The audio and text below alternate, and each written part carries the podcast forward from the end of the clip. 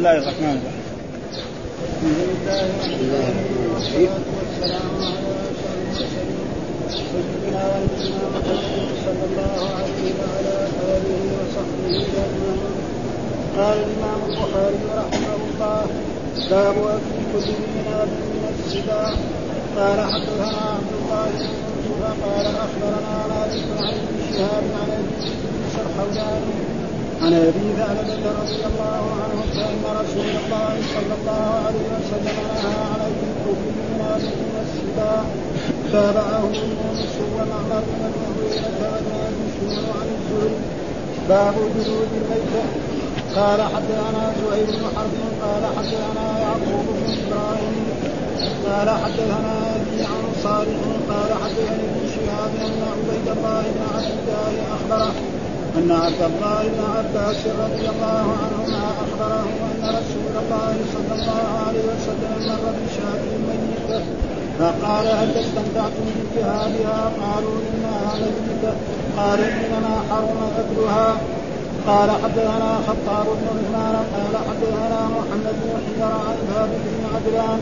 قال سمعت سعيد بن جبير قال سمعت ابن عباس رضي الله عنهما يقول مر النبي صلى الله عليه وسلم بعجز ميتة فقال ما على أهلها لو انتفعوا بجهادها باب المسك قال حدثنا مسدد قال حدثنا عبد الواحد قال حدثنا عمارة بن القعقاع عن أبي زرعة بن عبد بن جرير عن أبي هريرة قال قال رسول الله صلى الله عليه وسلم ما من مجنون يكرم في سبيل الله إلا جاء يوم القيامة والكلمة لون دم الذي حريق مسك قال حدثنا محمد بن العلاء قال حدثنا ابي أسامة عن بريد عن أبي بردة عن أبي موسى رضي الله عنه عن النبي صلى الله عليه وسلم قال مثل الجليس الصالح والسوء كحامل المسك ونافخ الكبير لا حامل المسك اما ان يحييك واما أن تبكى عنه واما أن تجد منه ريحا طيبا ونافخ الكير يحرق ثيابك واما ان تجد ريحا خبيثا باب الارنب قال حدثنا عبد الوليد قال حدثنا شعبة عن هشام بن زيد عن انس رضي الله عنه قال انفذنا ارنبا ونحن بنبي الظهران فسعقه فلغوا فاخذتها فجئت بها إلى ابي طلحه فذبحها فبعث بولدها أو قال ببعيرها النبي صلى الله عليه وسلم فقبلها باب الضبط قال حدثنا موسى بن إسماعيل قال حدثنا عبد العزيز بن مسلم قال حدثنا عبد الله بن دينار قال سمعت ابن عمر رضي الله عنهما يقول قال النبي صلى الله عليه وسلم الضب لست آكله ولا أحرمه. قال حدثنا عبد الله بن مسلمة عن مالك عن ابن شهاب عن ابي امامة بن عن عبد الله بن عباس رضي الله عنهما عن خالد بن الوليد انه دخل مع رسول الله صلى الله عليه وسلم بيت ميمونه فأوتي بضبط محمود فأوى إليه رسول الله صلى الله عليه وسلم بيده فقال بعض النسوة أخبروا رسول الله صلى الله عليه وسلم بما يريد أن يخرج فقالوا هو قبر يا رسول الله فوضع يده فقلت أحرام هو يا رسول الله فقال لا ولكن أعاده قال خالد هل تركته فأكلته ورسول الله صلى الله عليه وسلم يقول. أعوذ بالله من الشيطان الرجيم. بسم الله الرحمن الرحيم. الحمد لله رب العالمين والصلاة والسلام على سيدنا ونبينا محمد وعلى آله وصحبه وسلم أجمعين. باب أكل كل ذي ناب من السباع. يقول الإمام البخاري الحافظ جعل هذه الترجمة وما بين. يعني كان يعني غيره كان على الحديث يقول مثلا باب التحريم. ها؟ أو كراهه لكن خلاها ليه؟ يقول لأنه في خلاف بين الصحابة من قديم فترك الترجمة هكذا وأتى بالحديث. فالحديث يحكم على الترجمة. ها؟ لما يقول نهى رسول الله. ها؟ معناه إيه؟ إما كره وإما حرم. هذا ما ما في. وفي الغالب إنه حرام. يقول ترك الترجمة هكذا لم يبت القول بالحكم. اختلاف فيه.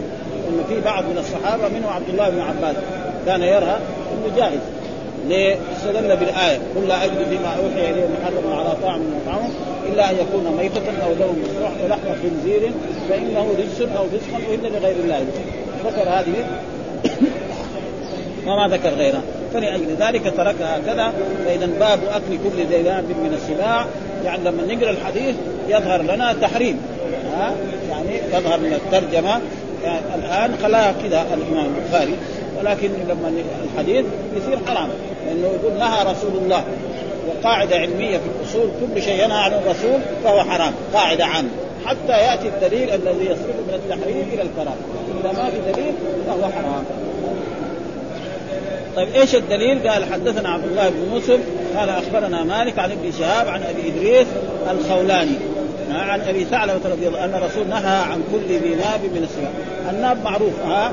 يعني يكون بعد الأذان وهو يعني. ليه؟ لأنه يفترس به. السبع يفترس. مثال ذلك السبع. مثلا الكلب النمر الفات نعم الأسد اللبوة. كذلك مثلا الفيل كذلك الهر. هذه كلها ذي ناب من السباع وتفترس. فما قال كل ذي ناب وسبب لا كل ذي ناب من السباع ولو كان بس كل ذي ناب يصير الجمل كمان يدخل ها؟ ويدخل في أشياء. فلذلك كل ذي ناب من السباع. يعني من الحيوان الذي يفترس بنابه. فإن هذه السباع يعني نابه هي اللي مثلا لو هذا السبع والنمر والأسد وغير ذلك إذا وجد مثلا ميتة مرميه يشوف بطنها بإيه؟ بنابه هذا. ها؟ مو بيده. ولذلك كان إيه؟ في هذا نعم كله تابعه يونس ومعمر وابن عيينة والمجشون عن الزهري. فهو حديث صحيح ولذلك هو ذكر هكذا واستدل بعض العلماء أنه ذلك ولكن هؤلاء العلماء الذين قالوا ذلك مثل عبد الله بن عباس يقول غير هذه الآية مكية. ومعلوم أن الأشياء التي حرمت هذه كانت في المدينة. بعد إيه؟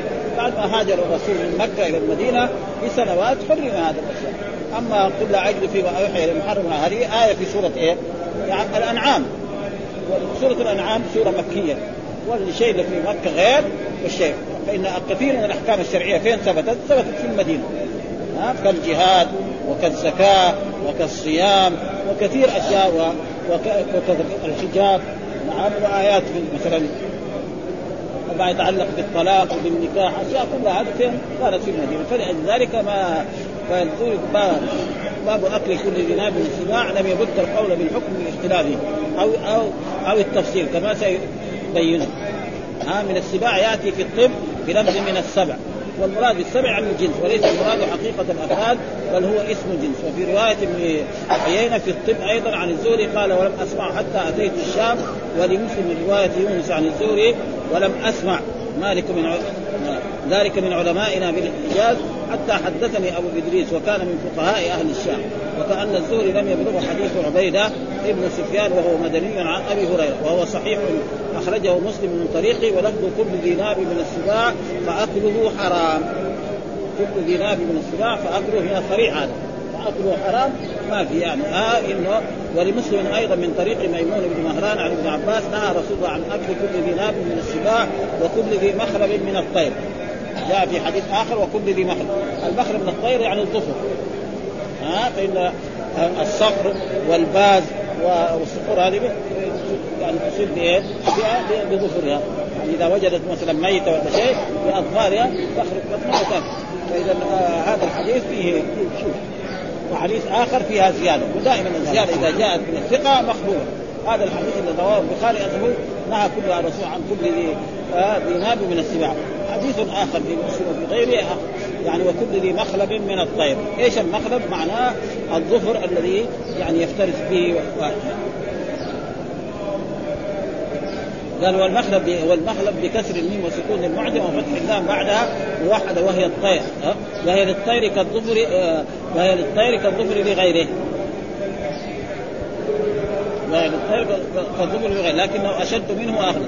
واحد فهو له كالنابل وهو كالنابل السبع وأخرج الترمذي حرم رسول الله صلى الله عليه وسلم الحمر الأنسية ولحوم البغال وكل ذي ناب من السباع وكل ذي مخلب من الطير. يعني أحاديث برضه في الترمذي ومن حديث عن عباد بن سارية مثله. تابعه يونس وابن عيينة والماجشون عن الزهري وتقدم من أصل أحاديث الباب إلا ابن عيينة فقد أشرت إليه في هذا الباب قد قال الترمذي العمل على هذا عند أكثر أهل العلم يعني على أن كل ذي ناب من السباع حرام وكل ذي مخلب من الطير حرام.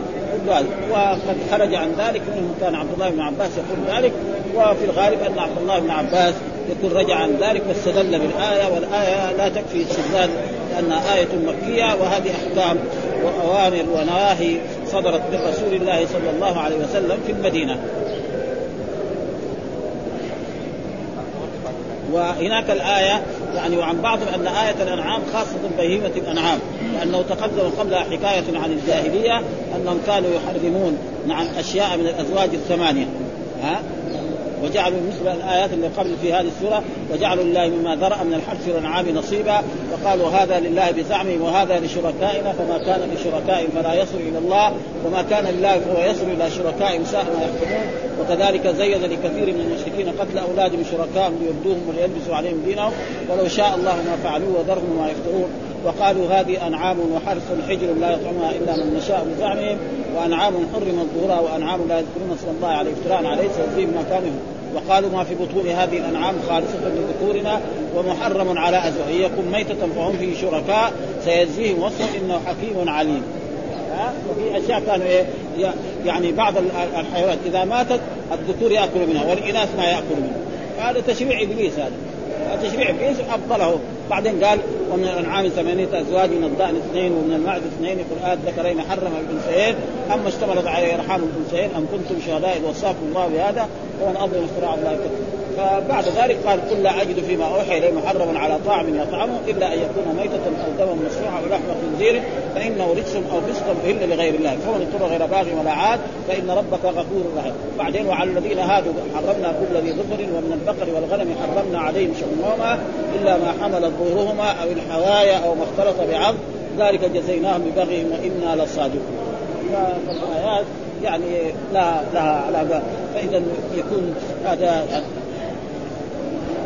قال من الآية إبانة حالهم أنهم أيضا آه، آه، يضاهون الحمل. وكأنه قيل لا حرام إلا ما حللتموه مبالغة بالرد عليهم. وحكى القرطبي عن قول أن آية الأنعام المذكورة نزلت في في حجة الوداع فتكون ناسخة. والصحيح لا. آه فيها لأنها مكية كما صرح به كثير من العلماء ويؤيد ما تقدم قبل من الآيات من الرد على مشرك العرب وتحريم ما حرموه من الأنعام وتخصيصهم بعد ذلك بآلية إلى غير ذلك مما سبق للرد عليه. وذلك كله قبل الهجرة إلى المدينة واختلف القائلون بالتحريم في المراد بما بما له نار. فقيل إنه ما يتقوى به ويصول به ويصطاد ويعدو بطبعه غالبا كالأسد والفهد والصقر والعقاب.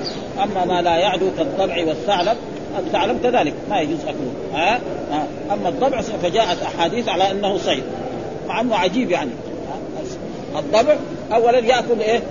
النجاسات ويأكل الميتة ومع ذلك سماه فاذا الحليل الحلال ما أحله الله والحرام ما انسان يقرف منه لا يأكل. أما يقول لا حرام الطبع هذا ما يجوز. يصير رد حكم رسول الله صلى الله عليه وسلم. والرسول سماه صيدا. فإذا سماه صيد فلا يجوز لأحد أن يقول فيه غير ذلك.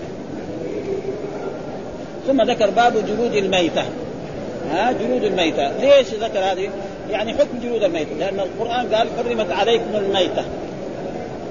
لما حرمت عليكم الميتة يدخل فيها كل شيء. ها يدخل فيها جلدها ويدخل فيها أسنانها ويدخل فيها شحمها ويدخل فيها الكرش والكبد وكل ما فيها. فهل الجلد كذلك حرام؟ ما يجوز الانتفاع به؟ هذا هو عشان هذا أتي بأحاديث تثبت أن أن الجلد نعم إذا دبغ طهر. الجلد إذا دبغ طهر. هذا معناه وإلا لما قال حرمت عليكم الميتة. وقل لا اجد فيما يقول لا فيما يوحى محرم على طعام إلا أن يكون ميتة. فلما قال ميتة يدخل في كل هذه الأجزاء. يدخل فيها اللحم ويدخل فيها الجلد ويدخل فيها العصب ويدخل فيها كل شيء. فهل الجلد كذلك؟ الجواب لا. الجلد لا إذا دمغ فقد طهر. هذا هو ما يريد. والميتة إيه؟ ما ما تحت أنفه يعني وجد كان عنده شاة أو بقرة أو ناقة جاء في الصباح وجدها ميتة. أما ما ذكي فهذا جائز كل شيء الدليل على ذلك قال حدثنا زهير بن حرب حدثنا يعقوب بن إبراهيم قال حدثنا أبي عن صالح قال حدثني ابن شهاب أن عبيد الله بن ولو أن عبد الله بن عباس رضي الله تعالى عنه أن رسول الله صلى الله عليه وسلم مر بشاة ميتة فقال هل استمتعتم بها بها؟ قالوا إن قال إنما حرم أكلها. أن عبد الله بن عباس رضي الله عنه أخبره أن رسول الله مر بشاة. وجاء في بعض الأحاديث أن هذه الشاة كانت لميمونة. ها قالت عبد الله بن عباس رضي الله تعالى عنهما كانت ميتة ويجروها يروح يرموها فيأكلها الكلاب أما هم فقال لهم الرسول هل استمتعتم بإهابها؟ إيش الإهاب؟ هو الجلد. إهاب هو الجلد. قالوا إنما إنها ميتة قالوا إنما حرم أكلها يعني الشيء الذي حرمه الله أكل الميت وأما الجلد فلكم ان تنتفع طيب كيف ننتفع بها؟ جاء في أحاديث كل اهاب دبر فقد طهر كل اهاب كل جلد دبر فقد طهر والدباغ يطهر إيه؟ وجاء وجاء عن بعض العلماء أنه يجوز الانتفاع بالجلد هذا في كل شيء. والمالكية يقول لا لا ينتفع به إلا في اليابسات أو في الماء بس. أما السمن يحط فيه زيت يحط فيه لا. عسل لا.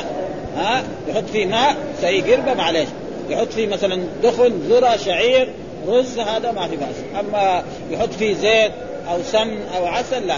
والذي يظهر من النصوص أنه جائز. ها لأنه قال طهور خلاص. أيضا عام. هذا الذي يفهم من النصوص. فالشيء الذي محرم هو إيه؟ وجاء في أحاديث كذلك أخرى عن عن ميمونة وعن غيرها. يعني آه، آه، أنه هكذا. والحديث الثاني قال كذلك قال حدثنا خطاب بن عثمان حدثنا محمد بن حمير ها يعني بعضهم قال حمير والصحيح يقول الحافظ لا. ها كذا حمير بإيه؟ ما هو بحمير انه وعن ثابت بن عجلان قال سمعت سعيد بن جبير قال سمعت ابن عباس يقول مر النبي صلى الله عليه وسلم بعنز ميتة والعنز والشاة. نعم كله بمعنى واحد. فقال ما على آلهة لو انتفعوا بأهابها يعني إيش يضرهم لو انتفعوا بإهابها ها ما يضر. فإذا فهم من ذلك أن الإهاب يعني يطهر بإيش يطهر بالدباغ والدباغ يطهر ذلك والدباغ له معرفة ويوضع فيه أظن شيء من الملح أو غير ذلك فهذا باب جلود زاد زاد في البيوع قبل أن تطبخ. ها؟ أن تطبخ. يعني في هناك البيوع قبل. فقيد هناك بالطباخ وأطلق هنا فيحمل مطلقه على مقيده يعني يعني إذا دبر طهر. أما كده يخرج مثلا آه، جلد ميتة ويستنفع به كده لا هذا ما يصح. وبعضهم قال لا. ها؟ أنه جائز للحديث ولكن القواعد العلمية دائما إذا جاء حديث مطلق وجاء حديث مقيد ها؟ وهذه دائما مثلا كثير في القرآن. مرة يقول ف يعني تحرير رقبة مؤمنة في بعض الآيات. في آية تحرير رقبة بس. فإذا لازم الرقبة تكون إيه؟ مؤمنة. فيصير إيه؟ هذه يعني تقريبا قاعدة عامة يعني هذا.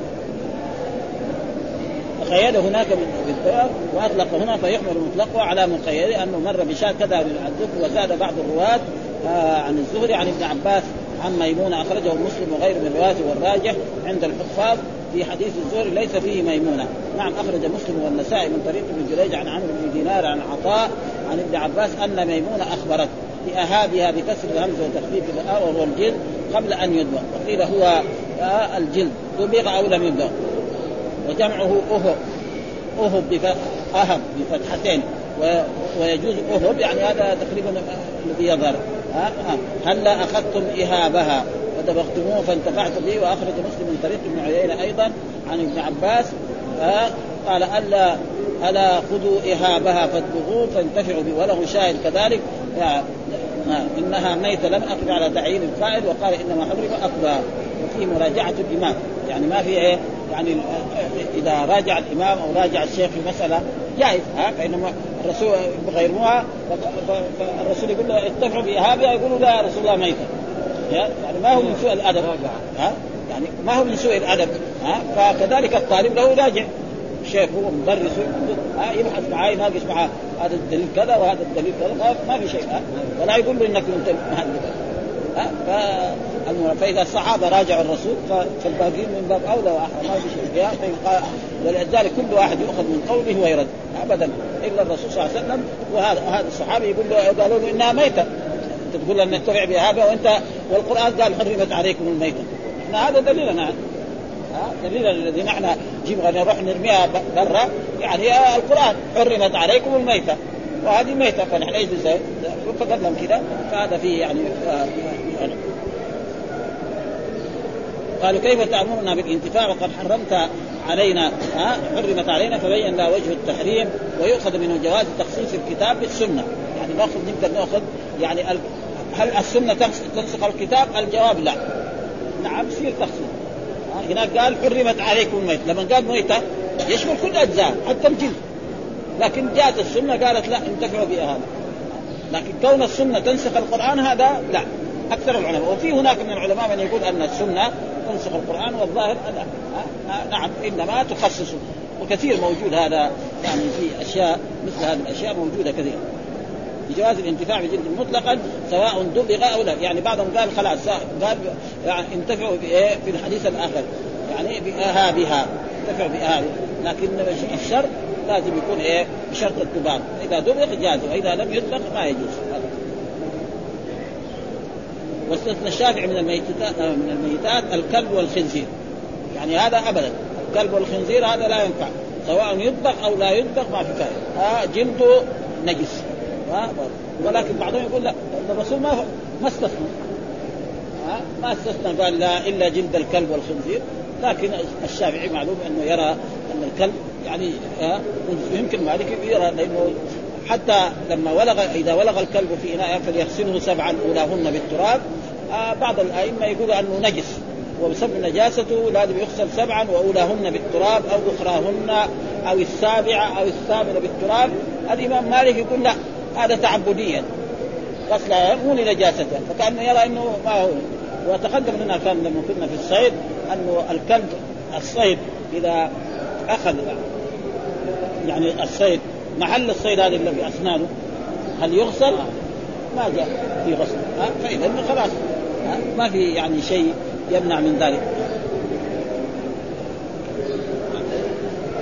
وذكر الرابع وبعض أهل الأصول أن هذا اللفظ ورد في شاة ولكن لم أقف على ذلك صريحا.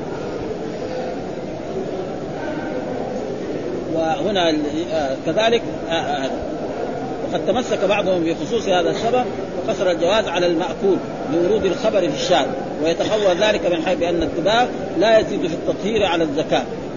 أن الدباغ لا يزيد في التطهير على لأنه إذا ذكت هذا صار وغير المأكول لو وغير المأكول لو ذكي لم يدخل. مثلا لو واحد راح ذبح له كلب أو أو أسد أو نمر ذبح ذبح شرعي يعني ما يصح. فاذا وهذا شيء إيه خاص. وكان أحمد يذهب اليه ويقول هذا آخر. ثم تركه لما لما اضطرب في إسناده. وكذا قال الخلال. في الاضطراب وقال سمع ابن حكيم الكتاب يقرأ وسمع المشاء المقصود يعني اصح الأقوال أن الميت له الإنسان أن ينتفع بجلدها بعد أن يدبغها ويستعملها في كل شيء. وهناك من يرى أن لا يعني كالمالكية لا يستعمل هذا الجلد إلا في إيه؟ في, يعني في اليابسات. والماء بس. لأن الماء قوي فهذا وأما في غير ذلك لا يستعمل. ولكن الأحاديث الظاهر أنها تدل على على الجميع أنه يستعمل في أي شيء. وأقوى ما تمسك به من لم يأخذ بظاهره معارضة الأحاديث الصحيحة وأن من سماع هذا عن كتابته وأنه أصبح أصح وأقوى من ذلك الجمع بين الحديثين لحمل الاهاب على الجلد قبل الدباغ. وأنه بعد الدباغ لا يسمى اهابا إنما يسمى قربة. وهذا مو لازم يكون وغير ذلك. وقد نقل ذلك عن أئمة اللغة كالنضر بن شمير وغير ذلك.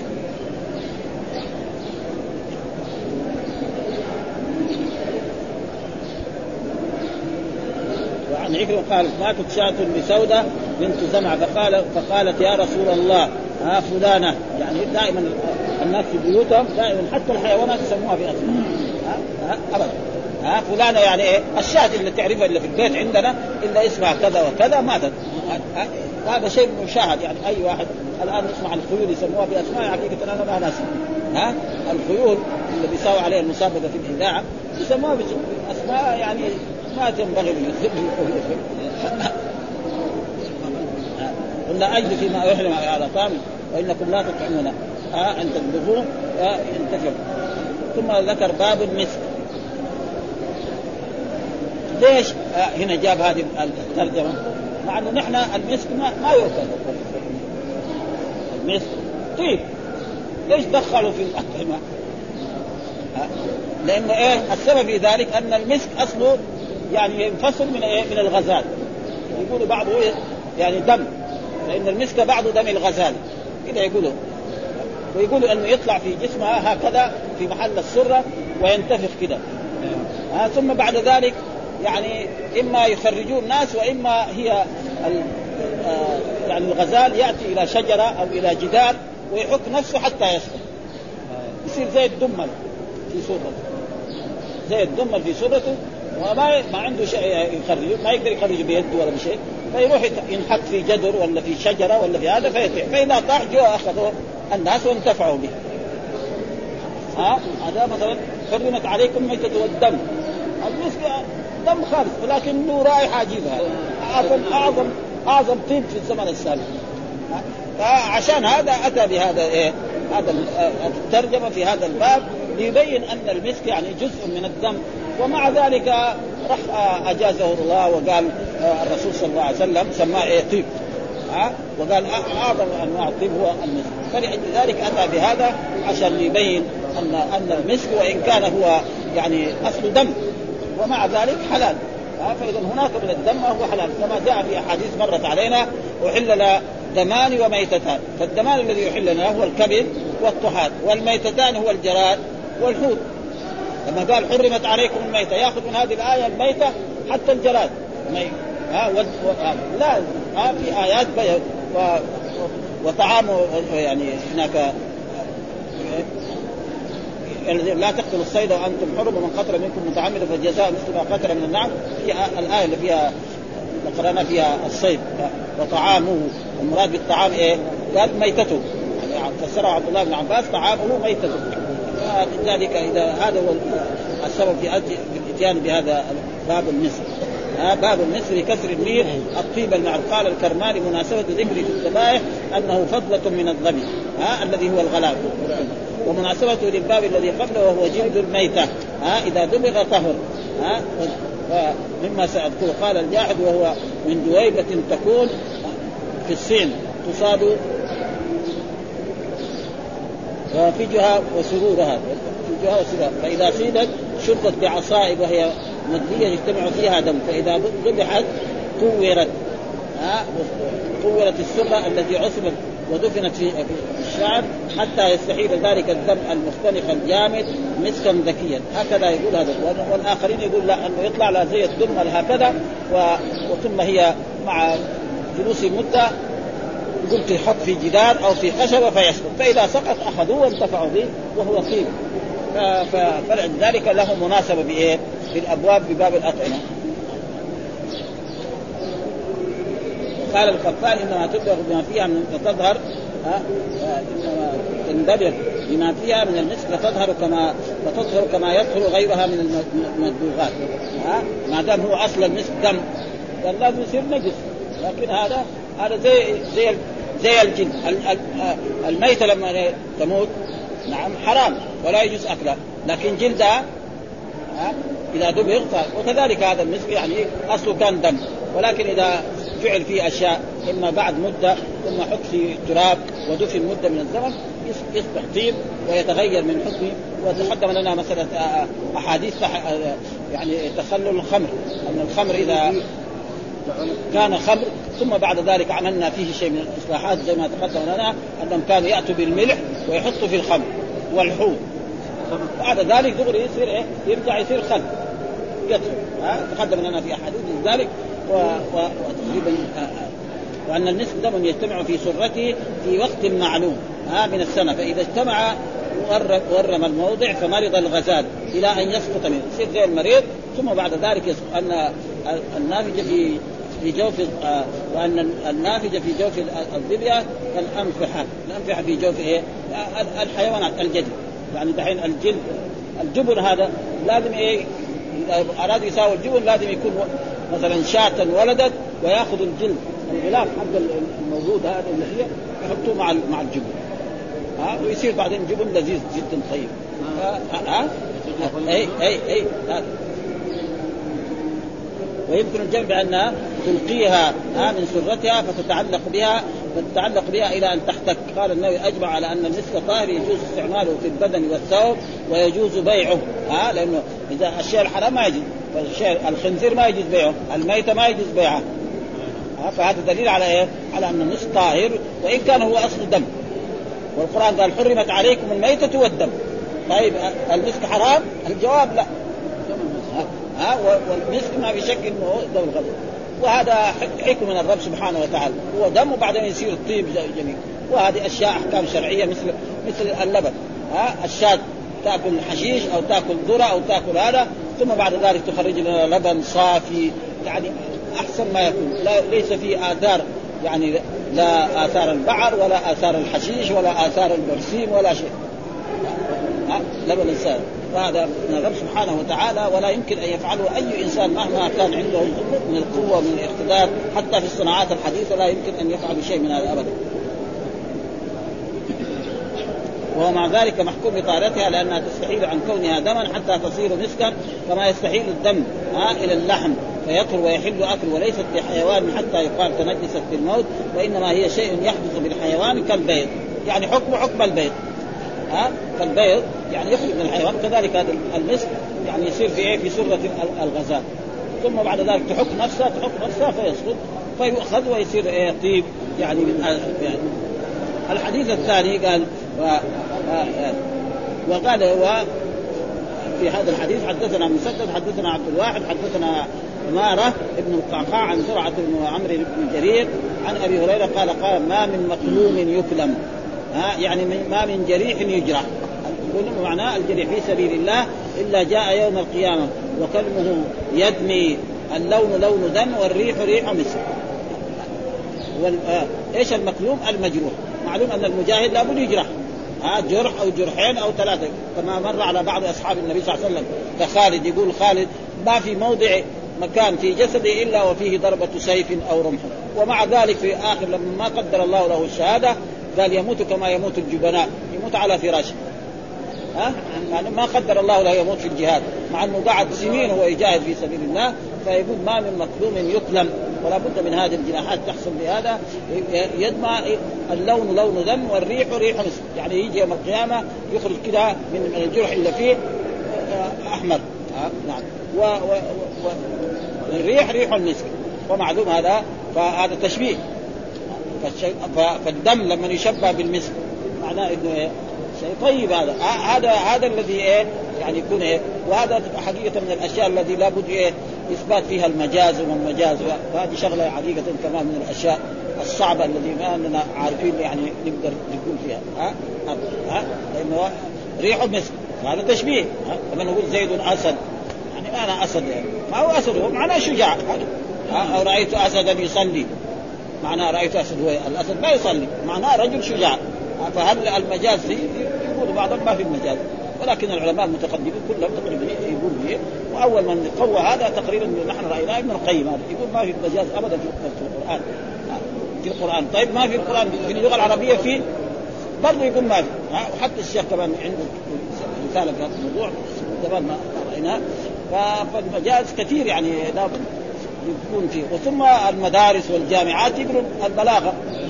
يقروا يقروا طيب اذا كان ما ليش مثلا جامعه الجامعة الإسلامية ليش تقرأ؟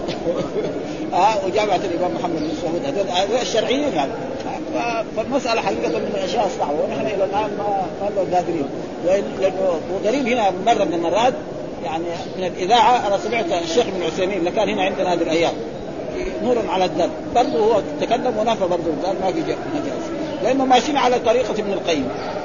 آه خلاص آه ابن القيم. قال خلاص ما وابن القيم من قوة استدلاله يجيب خمسين دليل على أنه ما في مجاز في القرآن. مش واحد خمسين دليل. هذه قوة علمية يعني. خليه هو يعني كلها يعني لا يقول لو واحد قال مثلا أتينا البحر فقرانا معنى هذا يقول الرجل الكريم هذا. وإذا قال ركبنا البحر فهاج بنا معنى إيه؟ البحر المالح ده أو المحيطات. برضه يقول هذا حقيقة. وإذا قال رأيت أسدا في الحمام يعني الرجل الشجاع آه رجل يعني. وإذا كان رأيته اسدا يصلي يقول هذا حقيقة. يقول الأسد ما هو يعني مسمى بس للحيوانات. لا. كلام كثير طويل يعني حقيقة وإلى الآن حقيقة يعني ما استطعنا أن نرى الموضوع هذا.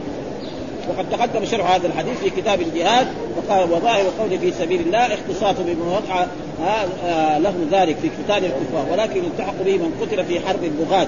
وقطاع الطرق واقامه المعروف والاشتراك واشتراك الجميع في كونهم شهداء لأن الشهداء مو بس الشهداء كثير ذكر الرسول صلى الله عليه وسلم. ها؟ يعني الذي يقتل في الجهاد شهيد والذي يغرق, يغرق في البحر كذلك والذي المرأة تموت في نفاسها وكثير الشهداء. ووقف بعض المتوقفين في دخول من قاتل دون ماله لأنه يقصد صون ماله بداعية الطبع قد أشار في الحديث إلى اختصاص ذلك بالمخلص حيث قال والله أعلم بمن يكلم في سبيله. قد سئل الرسول الرجل يقاتل حمية ويقاتل شجاع أيهما في سبيل الله؟ الرسول كان يقول لا من قاتل حمية قاتل شجاع. ما قال؟ قال من قاتل لتكون كلمة الله هي العليا. من قاتل لتكون كلمة الله لا إله إلا الله محمد رسول الله. هي العليا أما من قاتل للوطن أو للعروبة أو لقومية هذا في سبيل الشيطان. أما إذا كان جاء أحد يبغى يأخذ ماله فهذا له أن يقاتل. هذا هذا. والجواب يمكن الاختلاف مع إرادة صون المال. ولا ولا يمحض القصد الصوم فهو كمن قاتل لتكون كلمة الله العليا مع تشوقه إلى الغنيمة. كذلك ما يضر ها؟ لأنه كما جاء في الحديث إما إذا خرج من الجهاد إما يرجع بإيه؟ يعني يرجع بغنيمة واجر واما يقتل. لابد من هذه الأشياء. وجه استدلال البخاري بهذا الحديث على طهارة المسك وكذا وكذا الذي بعده وقوع وقوع تشبيه دم الشهيد به لأنه سياق التكريم والتعظيم. ها لأنه هي سياق فلو كان نجسا لكان من الخبائث ولم يحسن التمثيل به في هذا المقام وتقدم شرح حديث أبي موسى في الجليس الصالح. الحديث الثاني قال مثل الجليس الصالح والسوء والسوء كحامل المسك ونافق الكير حامل المسك. إيه؟ إما أنت أقل ما تشوف لما تيجي عند تشم الرائحة. ما يقدر يمنعك من شم الرائحة. تروح عند واحد يبيع العطر. إذا جلست ابدا. ولو ما يبغى لازم تشم. أو تشتري منه. أو هو يقول لك بالله يطيبك وتروح إلى بيتك أنت بالطيب. فهذا وكذلك الناس الطيبين إذا جالسوا الانسان يستفيد منهم. ها؟ اخلاقا وادبا عن المرء لا تسأل وسل عن قرين فكل قرين من مقارن يقتدي. ابدا. فحال المسك اما يحذيك يعني إيه يقدم لك هدية يطيبك وإما أن تبتاع منه. يعني تشتري منه شيء منه. وإما أن تجد منه ريحا طيبة. خلاص. أقل ما يكون تشم ريحة. ما يقدر يمنع العطور اللي في ما عاد يشمها هذا مستحيل ما يقدر ابدا هذا. ونافق الكير اما يحرق ثيابك تجلس عنده يطير شرر وتحرق لك ثيابك تروح ثوبك خربان وإما أقل ما يكون تشم رائحة كريهة معلوم رائحة. فلذلك لابد من إيه؟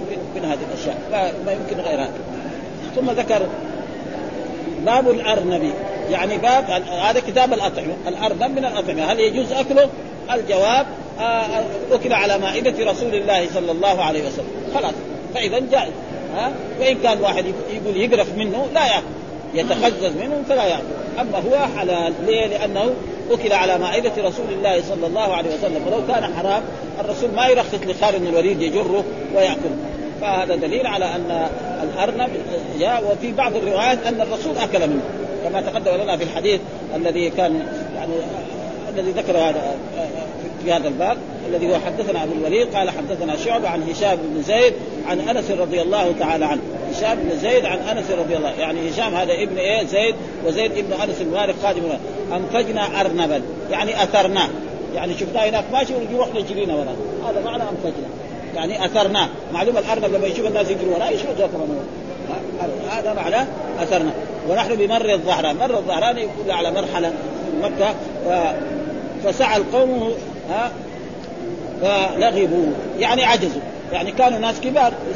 يجري يجري شوية ما قدروا. لكن هو انس كان صغير. يعني ما وصل العشرين لما توفي الرسول عمره عشرين سنة أو واحد وعشرين. معلوم شاب قوي. فهو جري وراه حتى لحق الارنب ومسكه وأتى به إلى عمي أبي طلحة وأبي طلحة ذبحه وسلخه وأرسل يعني فخذي أو ركيه لرسول الله صلى الله عليه وسلم.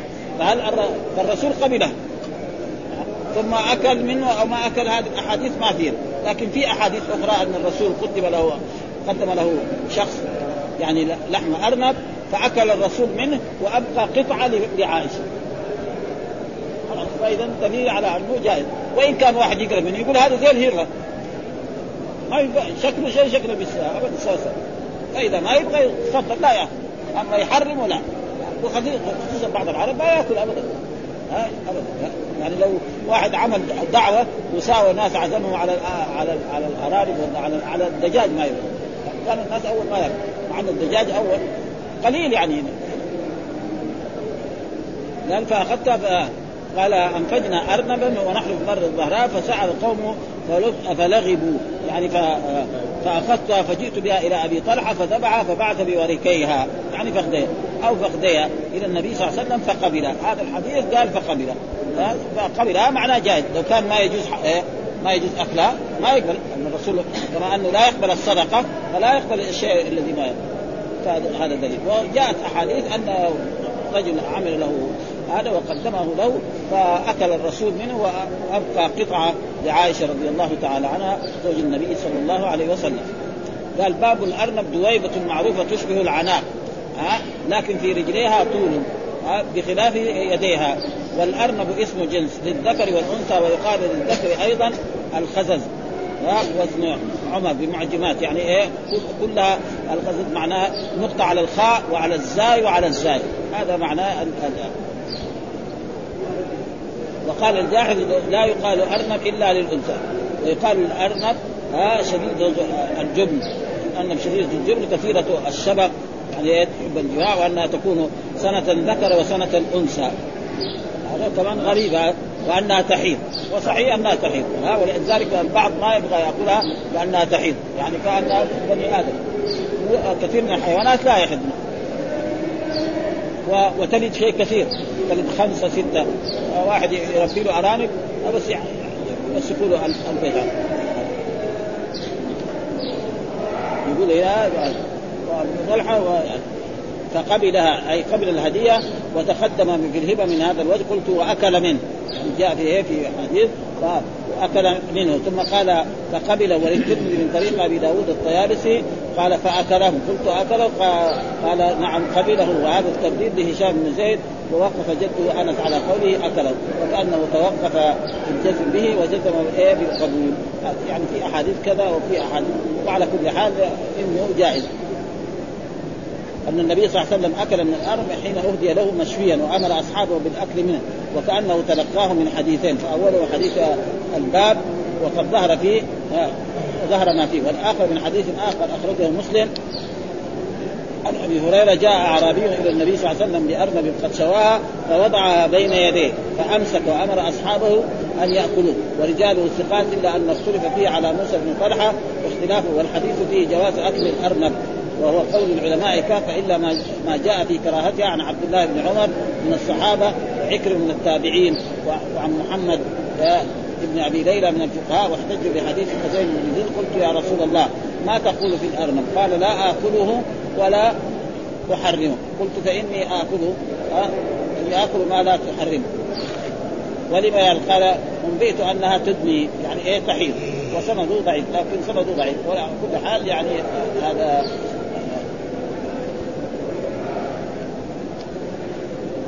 وكذلك وأما ما أخرجه أبو داود من اتبع الصيد غفر فهو محمود على من واظب على ذلك حتى يشغله من عن غيره من المصالح الدينية. وفي أن أخذ الصيد يملكه بأخذه ولا يشاركه من أثاره معه. وفيه هدية الصيد وقبولها من الصائد وهذا الشيء اليسير. ثم ذكر باب الضب. والضب معروف كذلك حيوان يعني يعني يشبه له شبه بال يعني بالفأر وبالأشياء اللي مثل ذلك. ها؟ وبالوزع وأمثال ذلك بس هو يكون أكبر. وفي بعض البلاد يؤكل. باب الضب قال وهو يدوب ويبة تشبه الجلدان الجلدون لكنه أكبر من الجلدون ويكنى أبا اصل مهملتين مكسورة ثم ويقال للأنثى ضبة وبه سميت القبيلة. لأنه فيه فلان الضبي. معروف يعني وبالخيف من منى جبل يقال له ضب. يعني يوجد في منى جبل يقال له ضب. والضب آه، داء في إيه؟ في خف البعير. كمان في إيه؟ كل هذا يسمى ضب يعني داء يعرفون أصحاب الإبل. يجي في خف البعير وقد يكون سبب في هلاك البعير. الله ويقال أن الأصل ذكر الضب. ولهذا يقال آه يقال له ذكران وذكر ابن خالوي أن الضب يعيش 700 سنة. وأنه لا يشرب الماء. ويبول في كل أربعين يوما قطرة. ولا يسقط له سن. هذه إذا كان هذا وابن غالب انه صحيح ابن الحافظ هذا ذكر ويقال أن الأصل ولهذا يقال له ذكران ها؟ وذكر ابن خالوي أن الضب يعيش 700 سنة وأنه لا يشرب الماء.